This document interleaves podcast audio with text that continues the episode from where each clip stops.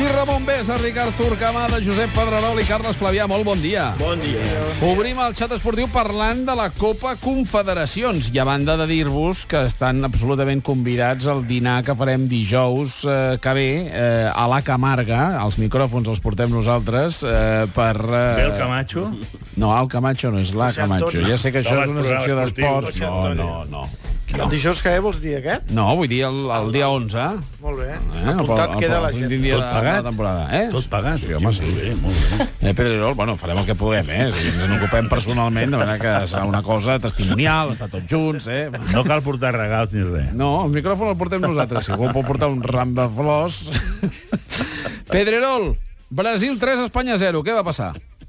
Doncs que hi ha un jugador que somriu, que, que és Neymar i que més juga bé al futbol. No? Jo crec que aquells que deien que semblava, semblava Robinho i que el van criticar des del primer moment, doncs s'ha de veure que, que Neymar... Hi ha jugadors que fan falta al futbol. El Flavé està assenyalant amb el dit dient aquí, Jo. aquí hi ha- n'hi ha uns quants que ja van desconfiar de Neymar. No, Manel Fuentes va ser primer que va Jo desconfiar i, i no ara... me a veure n'amago, què diu, no diu. Jo el vaig veure que- prim. No, home, ja s'ha d'esperar una mica, però vaja, aquells que deien, ho dèieu, que, que no hi havia possibilitats, ahir, ahir va demostrar que és un jugador fantàstic, ha estat el millor de la Confederacions amb diferència, i després una cosa important també, tu.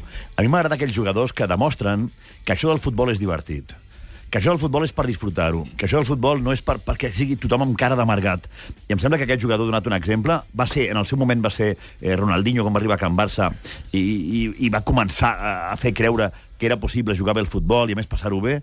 I a mi aquest nano em sembla fantàstic, em sembla un bany absolut. Jo no recordava els últims anys, des de que Luis Aragonès va aconseguir guanyar el primer títol important amb Del Bosque, un bany tan espectacular. Amb l'1-0 al minut 2, jo no veia mai a la selecció espanyola amb ganes o possibilitats de remuntar. Em Home, un equip, Ramos eh, no podia xutar un penal. Baix, enfonsat, i amb Ramos tirant el penal. Per què Ramos tira el penal? D'entrada, clar, per què tira Ramos els penals? Perquè és No espanyol i volia lluitar per la pàtria. Li va Ai, sortir el que- aquella... ja. la raça. Ja, però jo vull dir, qui decideix això? Hi ha, hi ha algun Qui jugador que sigui el que hagi de tirar? Bé, amb Hi ha un ordre el Bosque- establert o això és camp piqui pugui? Amb del, Bosque, amb del Bosque n'han xutat uns quants, eh, de penals, sí, sí. No, no hi ha hagut... No Qui vol? Tira, qui clar. vol? Qui sí, vol? No ha quedat Vinga, clar ampliem, ampliem la mala maró. Havia de jugar Casillas en comptes de Valdés? Ramon Bessa, bon dia. Hola, bon dia. Doncs no ho sé, suposo que el seleccionador va triar... Va triar Ramos com a xutador i Casillas no, Ramos com a porter? no. Home, ja, a veure, per la sintomatologia que estem veient, de la manera que, per exemple, Del Bosque va dir, va dir que havia estat grande, que havia decidit la roda dels penals del dia d'Itàlia, no, això no vol dir autogestió, però sí que el jugador que té més jerarquia és el que assumeix la responsabilitat, i vull entendre que ahir al partit doncs, Ramos va voler tirar el penal i ningú va Això segur, gosar portar-li la contrària. D'altra banda, tampoc em sembla un fet decisiu o capital perquè totes les decisions que va prendre Espanya es van, van ser errònies. És a dir, no, des de l'alineació amb la sorpresa de Mata, des de, doncs, el poc paper de Torres, però que en el fons reflexen de que la selecció eh, estava passada de forma, passada de rosca i jugava contra un equip que estava en plena exuberància. Eh, a mi, quan posats a buscar similituds, diria que comparem el que va passar amb la sub-21 i el que ha passat amb l'absoluta. L'absoluta moltes vegades em va abocar al final de temporada del Barça, jugadors que estan molt, molt cansats, que no, no estan al seu millor moment, i d'altres que han tingut una temporada més lleugera i que estan en plena forma. O sigui, si tu agafes la selecció sub-21, futbolistes com Bartra, futbolistes com Thiago han tingut molt més protagonisme que els que han tingut doncs, els futbolistes que normalment porten el pes de la selecció absoluta, com Xavi, l'excepció d'Iniesta, que és el que ha tingut segurament un any millor, no? I això es va començar a veure en els partits contra Uruguai i contra Itàlia. Jo vaig veure una selecció més vulnerable que de costum, una, una selecció doncs, que li van fer ocasions de gol quan normalment no li en feien tanta, i és clar quan jugues amb un equip que tu penses que encara juguen Gerson, Jairzinho, Pelé, Tostao, que juguen Sócrates, eh, Zico... Doncs no, Brasil ha canviat, eh, Brasil A va, va amb la línia, no, Escolari jo diria que és un tècnic en la línia de Mourinho, d'equips molt més físics, equips molt més tàctics, equips molt més bèsties, i que quan estan en plena forma doncs podríem buscar certa similitud amb la final de la Copa del Rei Barça-Madrid, per exemple, en aquell Madrid que d'alguna manera va donar la manera de combatre el Barça, encara que la segona part va ser del Barça, però que és interessant futbolísticament perquè Brasil eh, ha renunciat a lo que era abans del Jogo Bonito, que és la bandera que porta Espanya, però que té una, un equip físicament dur, molt dur, molt competitiu i amb un jugador que continua la línia dels grans davanters com Ronaldo, Ron Ronaldinho, eh, Rivaldo, que és eh, Neymar, no? Flavià. A mi, eh, posats a fer similituds, em va recordar el Bayern-Barça. Bueno, I, també és I si la selecció ha triomfat amb el Barça quan estan millor, també dirien que potser aquesta davalladeta del Barça d'aquest any, amb molta pena dic que jo crec que, ja penso en el Barça, que el Xavi Hernández no sé si podrà tenir aquest protagonisme Eh, Pues si no el té, el- el Vill Thiago igual el i- perdem, eh? A veure, i tot s'acaba aquesta vida, eh, sobretot la paciència, i el Villa i el Torres tampoc ja estan als millors moments. O sigui, la selecció espanyola ha fet un paper eh, justet. Més justet, ha quedat segona, no? Bueno, exacte, justet per la seva esperança. Sí, no? Si pensem en, en Però altres Tahití anys... va guanyar per això. Ah, molt bé, i en altres anys també. Eh, I també li diré que a mi el Brasil aquest no m'agrada. Eh? Cal, cal destituir Del Bosque i fitxar No, Mourinho que va, o que va, Pedrerol? No, no, no, no però, però és veritat que hi ha un abans i un després de Xavi Hernández, això sí que és veritat, això, no, no la selecció, també el Barça. Bueno, pues a Xavi igual el perdem, té- no? No, no, Thiago, home, això de Thiago no ha dimitit ningú encara, eh? Em diuen a Can Barça no, No, ha no, dimitit encara no, ningú aquesta encara. hora tampoc. Amb aquesta clàusula de 90 milions passa a 18. Jo, jo no entenc que no dimiteixi ningú en aquest, en aquest cas. No, Thiago segurament està fora, segur que està fora. I a Madrid estan pressionant Florentino perquè el fitxi. Hi ha un munt de rumors en aquest sentit, que un notari ha signat que el pare de, de, de, de Thiago, sigui Massinho, va estar al Bernabéu l'altre dia, un munt de coses, però Florentino va prometre que no, que no molestaria, que no faria mal al Barça, si no era un pacte establert amb, amb Rossell.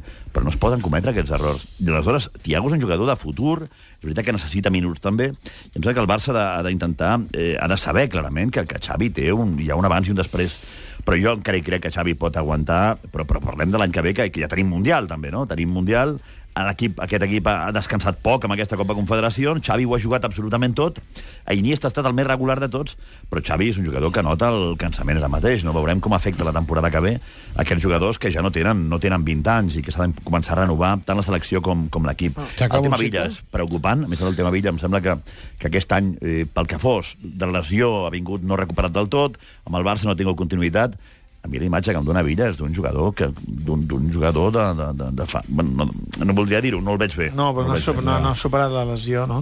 La, la veritat és que el partit d'ahir jo crec que, que en positiu i en negatiu ens, ens mostren... eh, O sigui, es pot llegir en clau blaugrana, no? Eh, L'impacte de Neymar, que a mi el que més m'ha agradat de Neymar aquesta Copa Confederacions és aquesta eh, aquesta ànima rematadora, és a dir, havíem parlat molt de desequilibri de Neymar, del dribbling de Neymar, però que té a la porteria al cap, que és un rematador espectacular, que ha fet dos gols amb l'esquerra, que semblava que la tenia per recolzar-se, i la castanya d'ahir i el partit contra Mèxic són dos gols amb la cama esquerra, remat, eh, rematades, accions de rematada directa o de control i rematades, ahir de davanter, eh, més enllà de driblador, i després del, del Barça, una mica, una mica en la línia del, del senyor Flavià, Moltes gràcies. Eh, eh, Perdó, crec, senyor. crec que l'equip es va veure se'l va veure gastat, no? Una, eh, Busquets, Xavi i, i, i, i sí que estic d'acord amb, amb, amb, el que, amb el que deia el Josep també sobre la... Jo crec que Xavi Hernández té, té futbol, el que passa és que ara se l'ha de començar a dosificar, és un problema de volum vull dir, eh, Espanya I de Del Bosque, substituts. no, sí, però Del Bosque no ha rotat gaire, tenia substituts però ja ha tingut jugadors, té jugadors al mig camp i en canvi eh, ha considerat que l'equip podia arribar a la, a la final bé físicament el primer partit contra l'Uruguai l'equip vola vull dir que no, no sé si és només una qüestió física o una qüestió d'acumulació de d'energia de, de, d'energia o de desgast en, en un, On l'ha en- perdut, aquesta selecció, l'energia? Bé, això no, no, no ho sé, jo, jo entenc que el camp... festes o què? Eh? Que fan festes per perdre No, energia? no, que no. Jo entenc que el camp, no? Eh, I venen d'una temporada molt carregada. Però és veritat que Busquets i Xavi se'ls ha vist gastats, que Iniesta ha estat el que ha assumit la responsabilitat. Això ha estat una còpia del, del, de, la, de la recta final del Barça. Però diria que el partit de la final, i potser una mica de la semi, però la primera fase de la selecció espanyola, a tothom se'l veu molt fresc. Mm, Besa, s'acaba un cicle? No, un cicle no, però el més complicat que té la Del Bosque és el mateix que li passa a Vilanova, és la gestió del talent. Mm -hmm. O sigui, simplement, quan és el moment en què tu has de posar un futbolista eh, jove per substituir un de gran? I aquestes transicions són molt complexes, depèn de la jerarquia que ha adquirit cada futbolista, però és evident que el paper dels jugadors capdavanters del Barça d'ahir són els mateixos que l'any que ve seran els que portaran les riendes al Camp Nou, o sigui, Piqué, eh, Busquets, eh, Xavi, Iniesta, llavors jo em pregunto si la gestió del calendari, perquè ve l'any del Mundial, com ho farà? I tinc la sospita, ja ho he dit moltes vegades, que el Madrid farà com el Barça, eh, començarà tota pastilla per demostrar que poden guanyar sense Mourinho. Ho resolem després del butlletí. Vinga, va, ràpidament, Ramon Besa, solucionem l'enigma que marcàvem abans de, la, de les notícies. Com encaixaran les peces l'any que ve a la selecció espanyola i al Barça? Tenim una jornada, ten, tenim dilluns que ve, eh? Podem deixar les coses per... No, diguem que el Barça el que està més pendent sobretot són dues decisions, diria, que és la, si s'ha de fitxar un central, i aquest central ha de ser Thiago Silva o Cap, que és el que vol l'entrenador, I què passa amb Tiago? Uh, Tiago Silva és evident que el central, per la situació dels que ja com sobretot Puyol, eh, la- eh, l'equip necessita un, un central el que crec que també hauria de reflexionar sobre la manera de defensar. Això no s'arregla posant els 11 millors futbolistes que tu creus que hi ha al mercat i que ells et guanyaran el 80 o el 85% dels partits, que crec que és el que ha fet el Barça aquest any. Mm -hmm. Perquè arriba un moment que amb tants partits i tanta competició no poden, rebenten, i llavors has de tenir punt els substituts. Per tant, és la primera reflexió que faria. Bueno, si no n'hi ha prou en fitxar Thiago Silva. Aquests continuen jugant i de gira i el Messi Campos... i, Messi. jo no aquí, sé si... aquí vol dir que d'alguna manera els futbolistes són els que manen i han tingut un poder per sobre de l'entrenador i per sobre del seleccionador. I crec que ha fet bé el Barça, entenc, eh, reforçar el cos tècnic doncs amb, un, amb un entrenador com Rubi, que és un, un home de treball de camp, que a més a més es va especificar que no venia de vistaire, sinó que venia a A treballar... vostè no li agrada, Rubí? No, el que no m'agrada és el que ha fet el Barça amb el Girona, que és agafar l'emblema del Girona, no li parlo de l'Espanyol dels nens, no, Ah, no? parlo del Girona, un equip que la figura era el Rubi, i si només tenen aquest tio Però per si anar a mirar... Rubi no volia amb- continuar al Girona, què bueno, passa? Però a- això és un altre tema, Ah. però el Barça no ha de tocar, com diu... això- No diu el Florentino, jo no tocaré este. El Barça, un club català que ha pujat d'aquesta manera, no li pot tocar l'entrenador. I podem seguir. Però si és, No, podem seguir un altre dia. Dep- depèn- Pedrerol, no, per acabar. No, l'altre. No, jo crec que, que a més eh, està comprovat que el futbol es pot tocar la pilota, allò toque, toque, toque, i a més s'ha de pressionar. Vull dir, ahir Brasil va pressionar, no va haver llocs per ningú, i per tant el futbol també és pressionar, i no és pensar mai que ho has guanyat tot. No em sembla que aquesta selecció té, té també, diu del Bosque, ens anirà bé també perdre perquè et dones compte del que és, el que has aconseguit. Bé, doncs segurament és amb l'única cosa que puc estar d'acord. Eh, Quan es perd s'ha de buscar una part positiva, que és aquesta, no? intentar tornar a guanyar. Però em sembla que no es pot pensar un que ho té tot fet, i aquesta selecció espanyola em sembla que porta... Eh, hem dit tantes coses bones d'ella que, que va sortir els jugadors dient semblava que Brasil fos, fos Tahití. I no, Brasil no és Tahití, no? Vull dir que això ens que pot ajudar. I el Barça també ja va tenir un cop d'atenció la temporada passada. Sí, jo crec sí, que, sí. que al marge de guanyar, de guanyar la Lliga ha tingut allò algun, algun problema que el pot ajudar a plantejar el futur d'una altra manera. I després falten jugadors claus. Eh, Thiago Silva és, és l'objectiu de Tito Vilanova, un entrenador que només entrena, però que demana sense molestar, no? No vol molestar a la direcció esportiva, però ho diu amb la boca petita, diu, escolta, amb Thiago Silva m'aniria bé. Doncs aquest Raúl Sanllaí, que ha estat allà, ha estat a Brasil, amb, amb Neymar i tots els seus amics, els tois aquests, tois es diuen, no? Sí, sí, Tois, Us. Els tois... no, però aquest, aquest grup d'amics que han estat a l'hotel i, i a veure si aconsegueix eh, fitxar eh? Thiago Silva, mentre el Madrid potser fitxa aquest altre noi, com es diu aquest, el Paulinho, com es diu aquest Paulinho? Paulinho, no? Paulinho, sí, sí. Paulinho és aquest jugador de les revelacions Madrid, no? de la Copa. sí. Bueno, sí, ah- són les dues revelacions, amb alguna més, no? En seguirem parlant dilluns que ve, a veure com queda aquest Barça aquest Madrid, perquè estarem a punt, a punt, a punt de començar la pretemporada. El Barça punt, comença el 15, el 15, i nosaltres sí, farem tertúlia dilluns que ve. Senyors, moltíssimes gràcies. Adéu. Bon dia. Una pausa i una sorpresa, que no sabem quina serà. Oh.